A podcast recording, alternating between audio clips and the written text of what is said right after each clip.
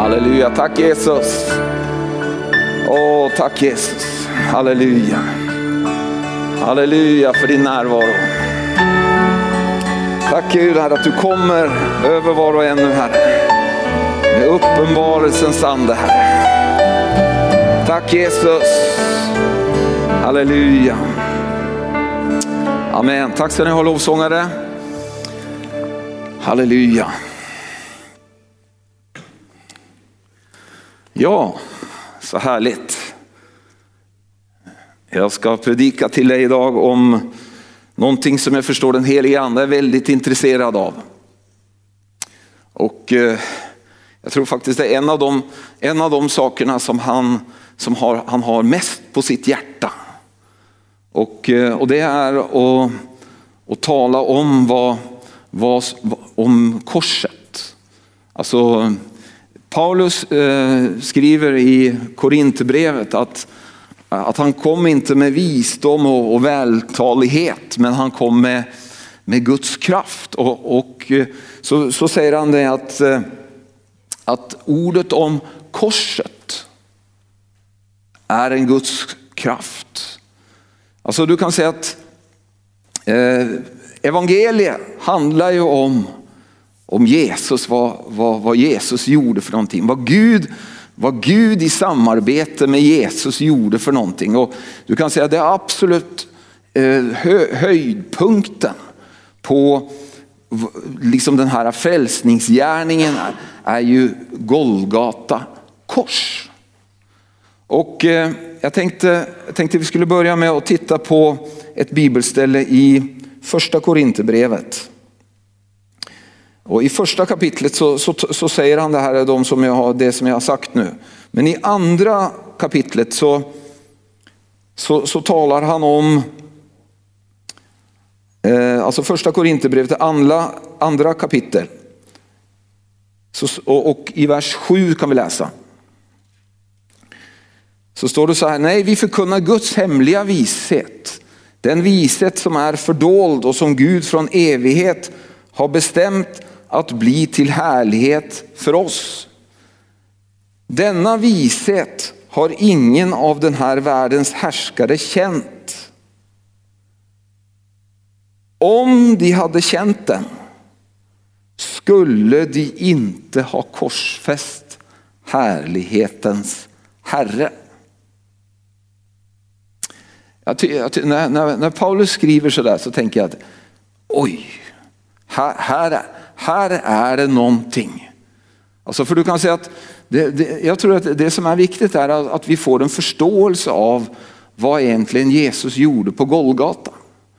Och eh, här var det tydligt att, att eh, det, det står att eh, världens härskare, alltså demonerna, djävulen, han, han, var inte, han, han var inte medveten, han förstod inte vad som hände på Golgata före det var för sent. Alltså, Paulus säger att om, om han hade förstått det så hade de inte korsfäst Jesus. Och du kan säga att det är det som är, det är, det som är grejen här, att det faktiskt, det är faktiskt möjlighet att missa vad egentligen Gud gjorde på korset. Alltså, till och med alltså djävulen, han missade det. Men efteråt så förstod han ju att, liksom förstod han ju vad de Men då vill jag ställa dig frågan om du har tänkt på det. Vad, vad var det, vad var det som, som, som de inte förstod? Vad var, det, vad var det som de inte förstod? Och om de hade förstått det så hade de inte korsfäst Jesus. Ja, det är bra att tänka. För du kan se att det som är, det som är eh, liksom det läskiga här, att det, kan, det är också så att vi, vi kan också komma i det läget att vi inte förstår. Men du kan säga det är det vi behöver den helige andes hjälp till och det är det som Paulus talar i resten av det här eh, kapitlet. Så säger han, han avslutar med att säga att vi har fått Kristi sinne. Alltså vi har fått möjligheten till att kunna förstå Guds tankar. Alltså så, så frälsningen idag, idag så är frälsningen uppenbarad. Kan du säga vad som, vad som hände på Golgata. Eh, men, men det som jag, jag har tänkt, eh, liksom försökt att tänka ut, vad var det? Vad var det som han inte förstod? Eller vad var det djävulen och demonerna inte förstod? Ja, vad var det som egentligen hände på korset? Jo, det, det som hände på korset var ju på något sätt att, att Jesus, Johannes eh, möter ju Jesus i ett väldigt tidigt skeende av Jesus sin tjänst. Och då säger han liksom, se Guds lam som bär bort världens synd. Det profeterar liksom Johannes över Jesus. Så det, det, här var ju, kan du säga Jesus, en av Jesus sina uppgifter, att han, han, han var Guds lamm som bar bort världens synd. Jag, älskar när vi tillber att, att, att, att sjunga till lammet. För, för du kan säga att det, det Jesus gjorde som Guds lamm, det är någonting av det, liksom det kraftfullaste som man kan tänka sig. Och du kan säga att eh, det, som, det som det står om är ju att, att eh, det, det Gud gjorde i, på korset var att Gud försonade världen. Gud var i Kristus Jesus och försonade världen med sig själv. Och det, det gjorde han ju då genom, genom, kan du säga, lammets tjänst. Genom att Jesus tog på sig dina och mina synder. Det står i att, att han som inte visste av synd, han blev gjort till synd för att vi i honom skulle få Guds rättfärdighet. Alltså det talas om det gudomliga bytet. Alltså att, att Gud låt eh, all den synd och sånt som var över oss, den, den tog Jesus och så fick vi Jesus rättfärdighet. Vi bytte kan du säga. Han fick vår mantel och vi fick hans mantel och vi i ett ögonblick så liksom blev vi rättfärdiggjorda och, och försonade med Gud. Och det står ju också, det står ju det att eh, i eh, ett, ett bibelställe som, som jag tycker är så här kraftfullt som, som eh, du hittar i första Johannes brev kapitel 2 och vers 2. För vi, vi kan ju tänka så här, ja det Jesus gjorde, det gjorde han för mig och för oss kristna.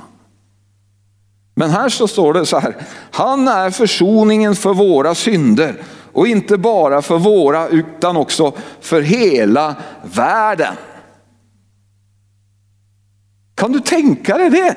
Att Jesus, när Jesus gick som Guds offerlamm så tog han inte bara kristnas synder eller de som har bekänt han som liksom Herre.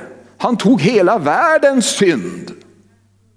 Alltså, han, han, han gjorde något, he, alltså en, något fullständigt radikalt. Och det är ju därför också, det är ju därför då, jag tror att eh, Gud ville liksom demonstrera det här. Så att när Jesus då, ni vet när Jesus har liksom gått hela vägen. Han, han hänger på korset. Han har, liksom, han, har, eh, han har gått hela vägen som Guds lamm. Och där kan du säga så, så kommer han till den här punkten. När han uppger sitt liv. Då, innan han gör det så säger han. Det är fullbordat. Du vet att jag såg jag såg en gång en film, en sån kristen film där de visade det här äh, och så, och så var det på, på engelska och så var det översatt till svenska. Och så förstod jag att det var en översättare som, som inte var kristen, som inte förstod. För äh, på, på, på engelska så sa de ju it is finished. Och då översatte han det är slut. Du vet att om du inte förstår liksom det, det, var ju inte slut. Det var, alltså han, det var fullbordat. Det, det, är någonting helt annat. Så när Jesus, när Jesus då går hela den här vägen som Guds lamm. Och så ropar han ut på korset, it is finished, alltså det är fullbordat. Vet du vad som händer då? I samma ögonblick så, kommer, så skakar grundvalarna och förlåten i templet spricker. Alltså, eh, jag har hört att den var, den väldigt, var väldigt tjock. Det var, en, var en, den var sydd på något speciellt sätt och den var ju så, alltså det, det var, alltså det var, det var ett, eh, alltså ett ingripande ifrån krafter från ovan. Alltså Gud, men du kan säga att det som var grejen var att när Jesus hade gjort det färdigt så var det ingen behov för förlåten längre. Alltså, och det här var inte bara i förhållande till de kristna. Men det var det här, alltså Gud, Gud gjorde någonting radikalt. Han ändrade på helt, alltså han, han försonade världen med sig själv. Så att, så att du kan se att straffet inte längre, alltså det, det, är inte, det är inte så att Gud liksom, ja det är många idag som tror att det är Gud som står bak alla möjliga saker. Men det är det inte. För Gud försonade världen med sig själv. Han, han kan du säga tog la synden på Jesus. Och genom det kan du säga så, så har vi kommit in i nådens tid. Hela världen har kommit in i nådens tid. Jesus, Jesus ändrade, det var ju så att för förlåten var ju en, kan du säga, en eh, grej som de hade fått som en, när Mose fick kan du säga uppdraget att bygga tabernaklet så fick han ju modellen för tabernaklet. Och då skulle förlåten vara där, för det, den skulle vara mellan Gud och människa. Gud var så helig och människorna var syndare. Och det gick inte, så därför måste, skulle arken, skulle Guds härlighet och närvaro komma över arken där inne så måste det till en förlåt. Det var liksom omöjligt att ha, det gick inte att liksom bära med sig Gud i det där om inte det var en tjock förlåt. Som, som, och innanför förlåten så gick man bara en gång om året och med blod. Men när Jesus bar fram sitt blod och, och när Golgata, liksom, han var färdig på Golgata så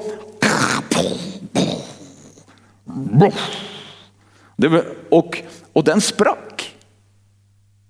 Och det var, ju, det, var ju, det var ju då att Gud gjorde, då startade någonting helt nytt. Vi kom in i ett helt nytt läge kan du säga.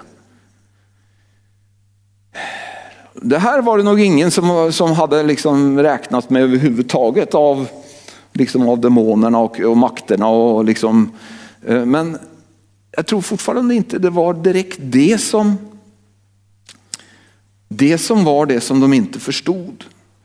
Ja, och jag ska komma till det nu att eh, jag tror att det som Paulus, Paulus försöker ju beskriva vad det var som hände på korset. Genom, det är ett bibelställe som jag, jag älskar och jag älskar att citera, jag, älskar, jag tror nästan varje dag så, så ber jag ut det innan jag ber. Och det är om att, att det här bibelstället i Galaterbrevet. Du känner det säkert. I Galaterbrevet eh, 3 och 13. För du kan säga att det ena Gud gjorde var att han försonade världen med sig själv.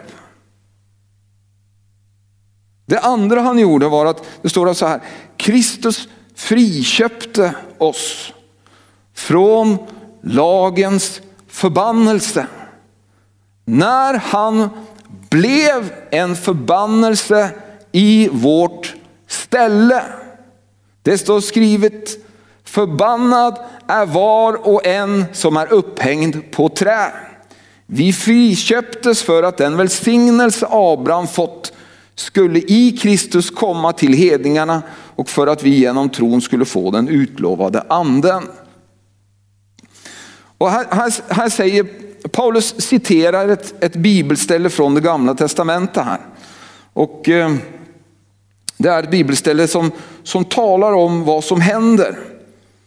Eh, det står i, i eh, femte Mosebok 21, det står så här, om någon Om, om, om det på någon vilar en synd som förtjänar döden om man avrättar honom och hänger upp honom på ett trä så skall den döda kroppen inte lämnas kvar på trä, träet över natten. Du ska begrava den samma dag, ty en Guds förbannelse är den som har blivit upphängd. Du ska inte orena det land som Herren din Gud ger dig till arvedel. Så, så du kan säga utifrån lagen så, så var det så att när man blev kan du säga, avrättad på ett kors så var, var man kan du säga under förbannelse och då skulle man tas ner så snabbt som möjligt för att det var liksom, man skulle inte orena landet. Alltså, så när Jesus, när Jesus blev avrättad på ett kors så var inte det tillfälligt. Han blev, det var ingen tillfällighet att Jesus blev avrättad på det sättet. För det skulle uppfyllas. Eller du kan säga att det som skulle ske var att, att Jesus skulle komma under förbannelse.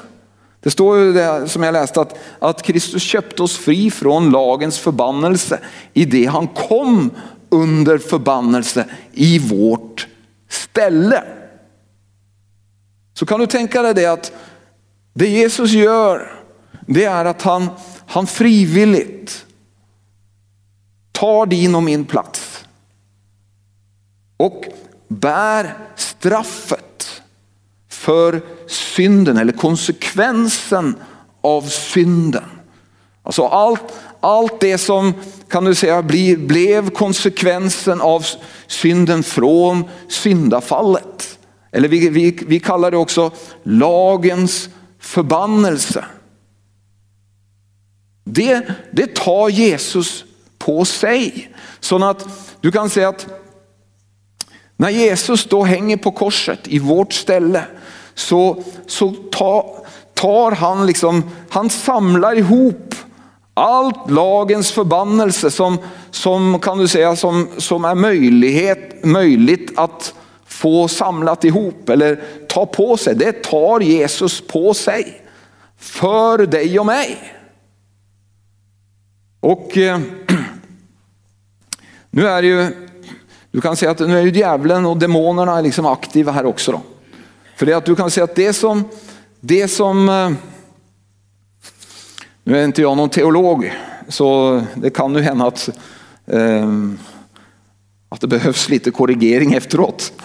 Men det, Gunnar fixar det om det skulle bli helt fel.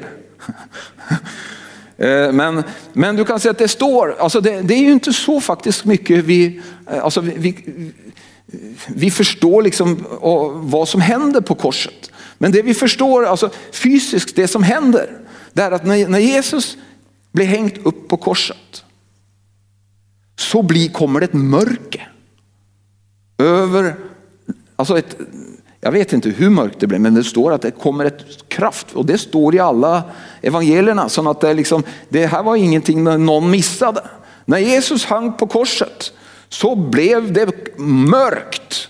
Det kom ett mörker, solförmörkelse, det hände någonting. Och, och eh, du kan säga att det som hände var ju på något sätt att Jesus, Jesus drack, när han var i Getsemane så sa han ju till Gud så här, Gud låt denna kalk gå mig förbi om det är möjligt.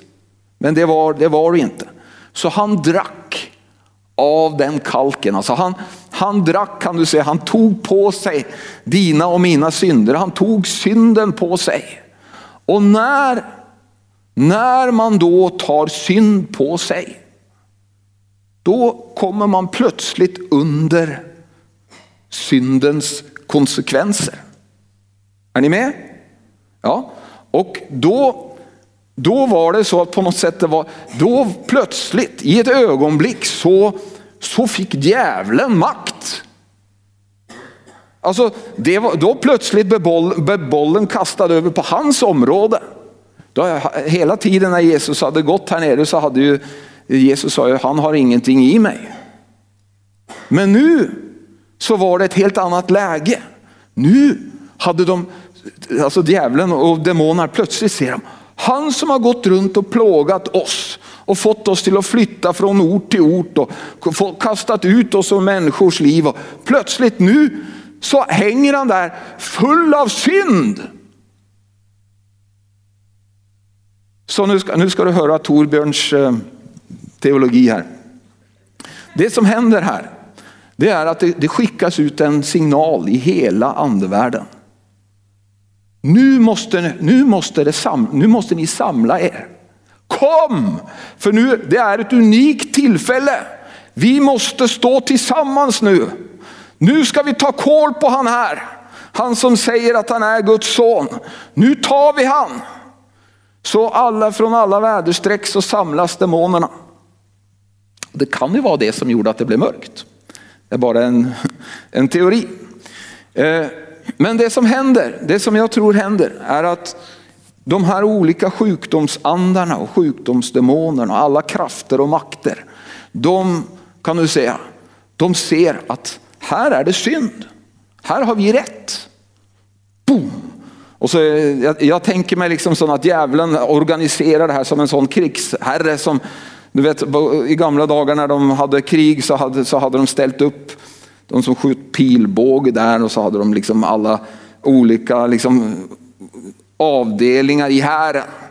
Och så säger liksom djävulen till okej okay, nu, nu får ni, nu, nu får ni eh, med svåra, sjukdoms, alltså ni svåra sjukdomsdemoner, kör på. Gör allt ni kan för att ta livet av han. Det är, det är det vi önskar nu. Nu ska han dö. Så tar han eh, liksom sjukdom, eh, alltså sjukdomsandar som är specialiserade på alla möjliga olika sjukdomsandar. Cancer, covid-19, alla demoner som är liksom, har fått sina uppgifter utdelat för att, speciellt med ett eh, speciellt syfte. De kör på Jesus. Och den, och den ena efter den andra försöker att ta livet av Jesus. Och de håller på. Det tar sin tid. Det är många sjukdomar. Och, och i eh, femte Mosebok 28, vers eh, 60 så står det att, att eh, om, om lagens förbannelse och alla andra sjukdomar som inte är nämnd i denna bok. Alltså så du kan säga att lagens förbannelse och alltså djävulens makt på något sätt. Allt, allt det som djävulen hade av vapen Alltså han, han satte in fullt, han, han tog fram hela artilleriet. Det var liksom, och han lyckades ju inte. Och jag tror att han blev, han blev argare och argare och mera desperat och mera desperat. Och han höll på och till slut, till slut, till slut så hade han ingenting kvar. Och ändå så, så så var, så, så var han inte död. Han hade kört, han hade tagit allt. Och sen så är vi ju då i samma, samma bit där som där Jesus ropar, det är fullbordat. För du kan se att han kombinerar ju det här både i förhållande till Gud så bär han fram blodet för att rättfärdiggöra oss. Och, och kan du säga för att ta bort vår synd. Men i förhållande till djävulen så, så, så tar han allt straffet på sig. Så att, att du kan säga att djävulen, och det var det här. Det var det här demonerna inte hade räknat med. För det att det han gjorde, det var, det står i Kolosserbrevet, att han avväpnade. För för du kan säga att de trodde att de skulle kunna fortsätta att plåga folk rättmässigt. Efter att de hade, tagit, efter att de hade gett full eh, eh liksom, eh, utdelning på Jesus. Och liksom, men du förstår att Bibeln talar om att, att djävulen blev avväpnad. Alltså du kan säga att att det finns ingen demon idag. Det finns ingen sjukdomsande. Det finns ingen, um, till och med mammon blev avväpnad på Golgata. Alla, alla demonerna blev avväpnade. Och, och när de, alltså du kan säga varenda demon som är i funktion idag, de vet. De vet att de har ingen makt längre. Alltså, du kan säga, de, de, deras, deras makt är bara på grund av att inte vi vet om det. Att, att folk inte liksom eh, hävdar sin rätt. Demoner de, är, de går ju runt och ljuger hela tiden. Så, de, så länge som, som, alla, som, som alla tror på lögn så har de fritt spelrum. Men i det, i det ögonblicket som vi skulle, kan du säga, upp, liksom få den här sanningen klar. Att det Jesus gjorde för i mitt ställe, det gjorde han för att avväpna djävulen. Så att idag så har inte djävulen någon makt över mitt liv.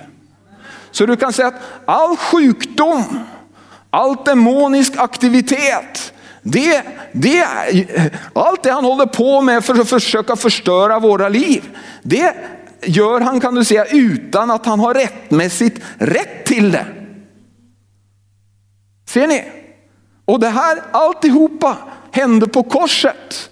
Så du kan säga att idag så är det, därför är det så att varje demon måste böja sig i namnet Jesus.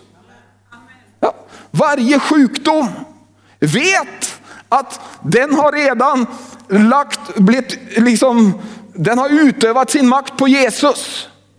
Alltså de sköt full, de tömde, vad heter det, magasinet på Jesus. Och det finns ingenting kvar. Halleluja. Jag blir glad av sånt där.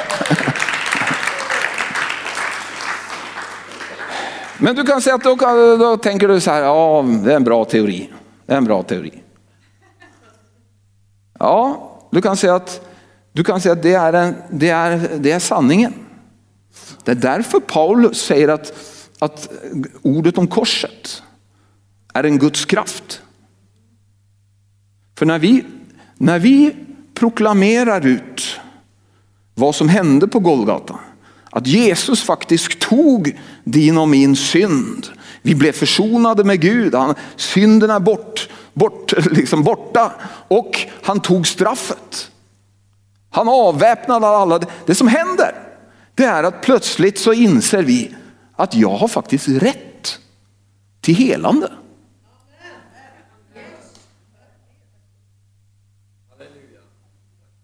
Och det är redan betalt för. Du vet.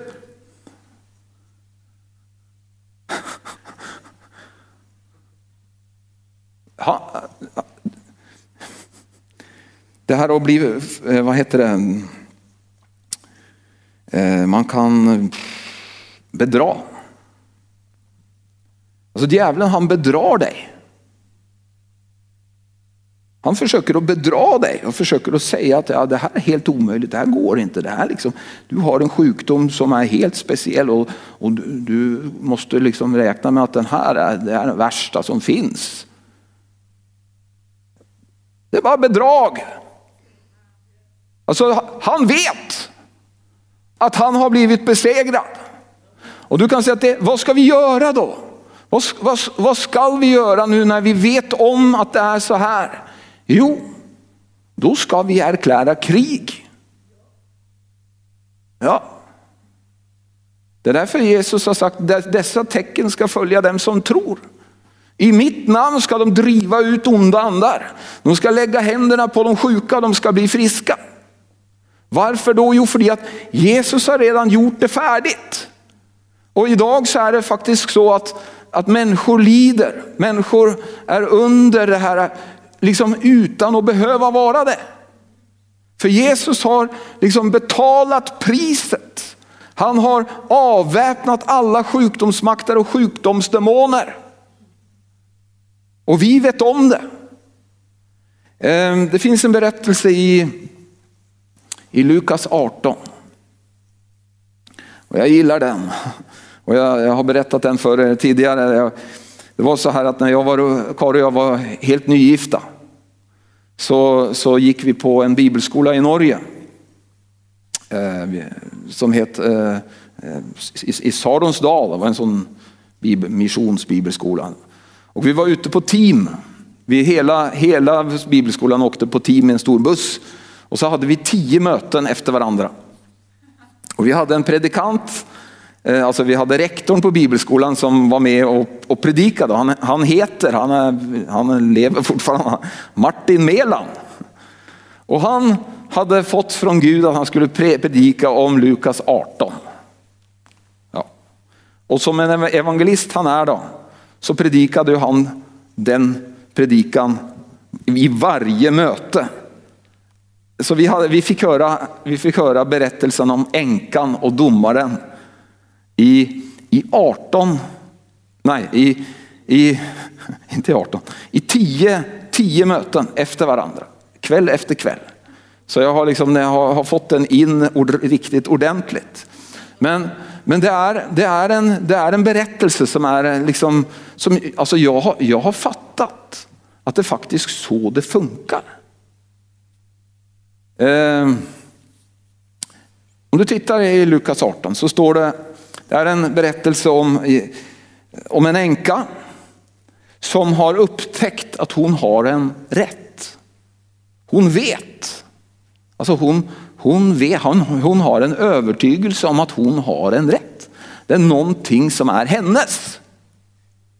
Och så, och så går hon till den här domaren för att få ut sin rätt.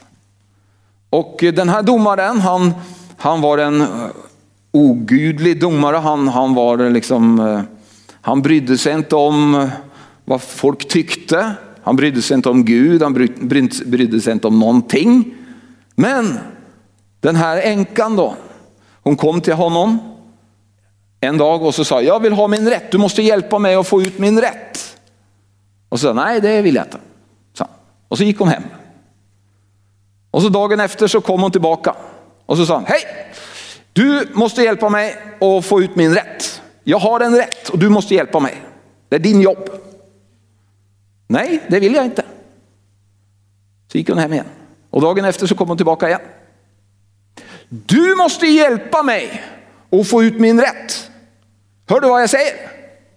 Nej, det vill jag inte, sa och så där så höll de på. Hon, och hon gav sig inte. Och till slut så står det att den här, den här domaren, han kom, ska vi ta, kan vi ta och gå dit i Lukas 18 bara för att du ska se hur han, hur han uttryckte sig här. Ska vi se. Lukas 18.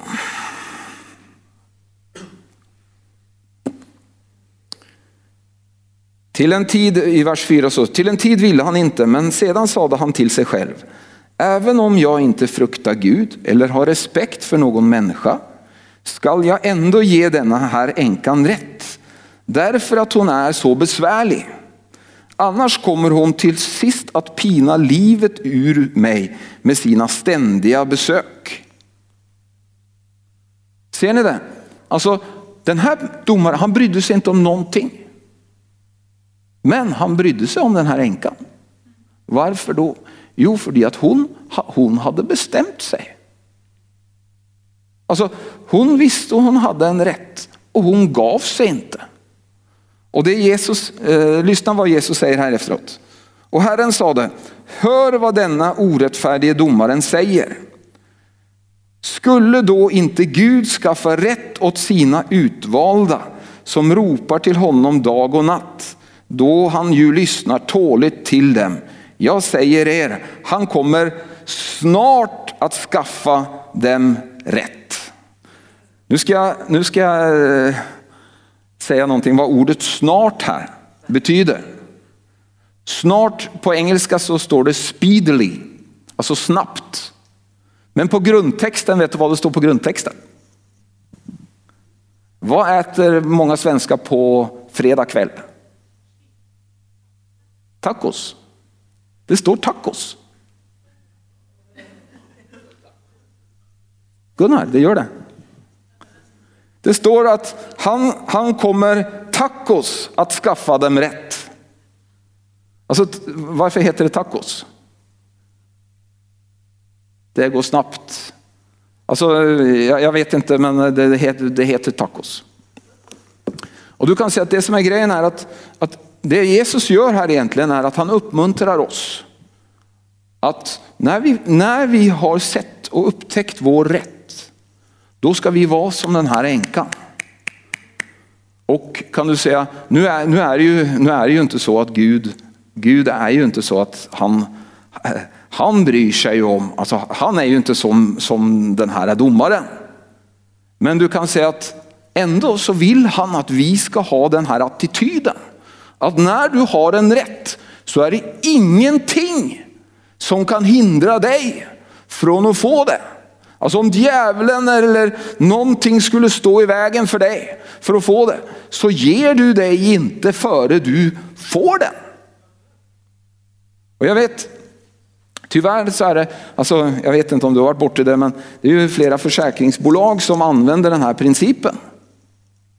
När det händer någonting så, och så du får en skada eller du får någonting så, så rapporterar du in skadan och så får du en avvisning. De säger nej, vi täcker inte den skadan. För det att de ger, de ger inte, om, om, de, om du slutar där, alltså om du inte klagar på att de inte vill ge det, så tänker de, ja men då, då är de nog lite skyldiga i detta här själv. Men så om du, om du överklagar skadan och säger, jag accepterar inte att ni inte ger mig den här, för jag har försäkring hos er. Och efter ett tag så är det så att de släpper taget. Det är ju ett, det är ett bra sätt att, att sila ut kan du säga folk som egentligen ljuger. Försäkringssvindlare. De, de brukar ge sig ganska snart. Ja. Nu vet jag inte riktigt hur, hur, om, om det är så att de har satt det här i system, men ofta, jag har känslan av det av och till att, att det är så att om du, inte, om du inte står på din rätt, om du inte kräver din rätt, så är det ingen som bara, liksom någon snäll farbror som ger, åh ja du är så fin, här har du din rätt liksom. Du måste, och det är just det som den här änkan gör. Hon gör anspråk på sin rätt. Och det, vi, det som är med korset är att på korset så ger Jesus, alltså Fadern och Jesus ordnar så att du får en rätt till helande. Och du, alltså det står i Jesajas 53, det var våra sjukdomar han bar. Det var våra smärtor han tog på sig. Straffet blev lagt på honom för att vi skulle ha frid. Genom hans sår har vi blivit botade. Alltså det här blev profeterat långt, långt innan Jesus kom. Och du kan se, det, var, det, är, som, eh, alltså det, är helt, det är ju helt fantastiskt. Att, tänk att Jesus gick och uppfyllde den profetian. Så att idag så när vi läser i Petrus brev så läser vi precis detsamma. Men då, vi vet ju om Jesus. De där för 700 år sedan innan Kristus så hade de ju ingen aning om det här. Men de visste, alltså Jesaja han hade profet, han såg, fram, han såg vad som skulle hända. Att det skulle komma en frälsare, en räddare som skulle ta på sig all synd, all sjukdom, all smärta och också rättfärdiggöra alla människor. Det här är de goda nyheterna. Och du, du kan säga att det som, är, det som är tanken som de här demonerna missade, det var det att om vi attackerar Jesus så blir vi avväpnade. Det var det de missade. Alltså de, de fick inte med sig det, att Jesus hang på korset för din och min skull. Så att när de attackerade Jesus så blev, kan du säga, eh, så, så utöstes straffet över Jesus så att det inte längre finns något mera behov av något straff. Och det är det som du, också, du och jag måste förstå. Att Jesus hang inte på korset för att, du ska, att, du, att han, han ska kunna trösta dig i din sjukdom. Så att han vet hur du har det när du är sjuk. Självklart så vet han hur du har det när du är sjuk. Men han hang på Golgata kors, tog på sig den sjukdom för att han skulle göra det istället för dig. Det var det som var, det var, det som var poängen. Alltså han tog den för att du och jag skulle bli fria. Han, han blev fattig. Han, det står att han som var rik, han blev fattig för att vi genom hans fattigdom skulle bli rika. Det var inte så att Jesus blev fattig för att han skulle få känna av hur det är att vara fattig. Han blev fattig. Alltså, du kan säga det som var över honom blev tagit ifrån honom, eller det gavs ju till dig. Och så fick han din fattigdom. Och så, men du, du, ble, du blev rik genom att han blev fattig. Och som Paulus säger att Kristus köpte oss fri från lagens förbannelse i det han kom under förbannelse. Så du kan säga att allt det som Jesus tog på sig av förbannelse, det är du fri ifrån. Det var det som, det var, det som var syftet. Så, så du kan, det är därför det är härligt att studera.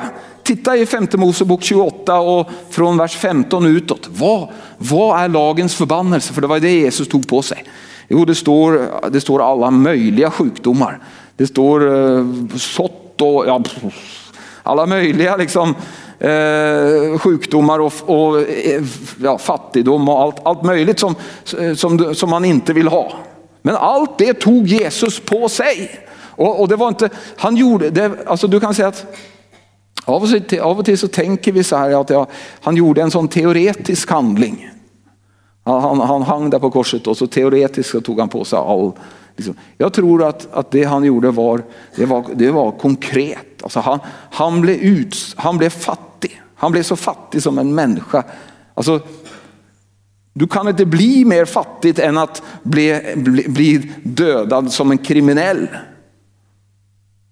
Och eh, kan du säga stort sett naken. Och sen så tog han nu på sig alla, alla sjukdomar och alla plågor, alla så som vi, vi idag, eh, du kan säga att eh, vi, vi kan läsa om i Jesaja 53 som förklarar liksom, liksom vad Jesus gjorde för någonting. Och allt det här gjorde han för oss. För att vi skulle slippa. Och det är det, är det, här, som är de, det, är det här som är de goda nyheterna. Ja. Det, de goda nyheterna pratar om någonting som, som är färdigt. Det här är inte någonting som Jesus ska göra en gång, någon gång. Det här är redan gjort. Det är redan fullbordat. Det är redan klart. Halleluja. Så himmelske Fader, vi tackar dig för att det här var din visdom, det här var din plan Herre. Det här var din strategi Herre. Och vi tackar dig Gud Fader för att, att du genom, genom det här så befriade du oss. Du köpte oss fria från lagens förbannelse. Du tog på dig Jesus, lagens förbannelse och all, all syndens konsekvenser Herre tog du för att vi skulle slippa och bära det här. Och vi är så tacksamma också Jesus för att,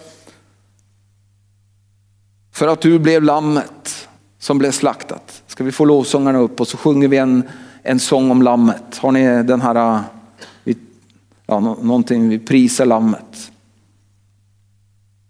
Och jag tror att, jag tror att det, här, det här är en av, en, en av de sakerna som den helige ande är mest intresserad av och uppenbara för dig. För om du ser det här om du ser att faktiskt det Jesus gjorde på kors, korset, det gjorde han för dig för att du ska slippa det. Så kommer du i ett läge där, där liksom tron växer och du förstår att, att du har en rättighet. Så Jesus vi tillber dig, vi är så tacksamma. Vi är så tacksamma Jesus. Lammet på din tron Jesus. Vi är så tacksamma. Halleluja.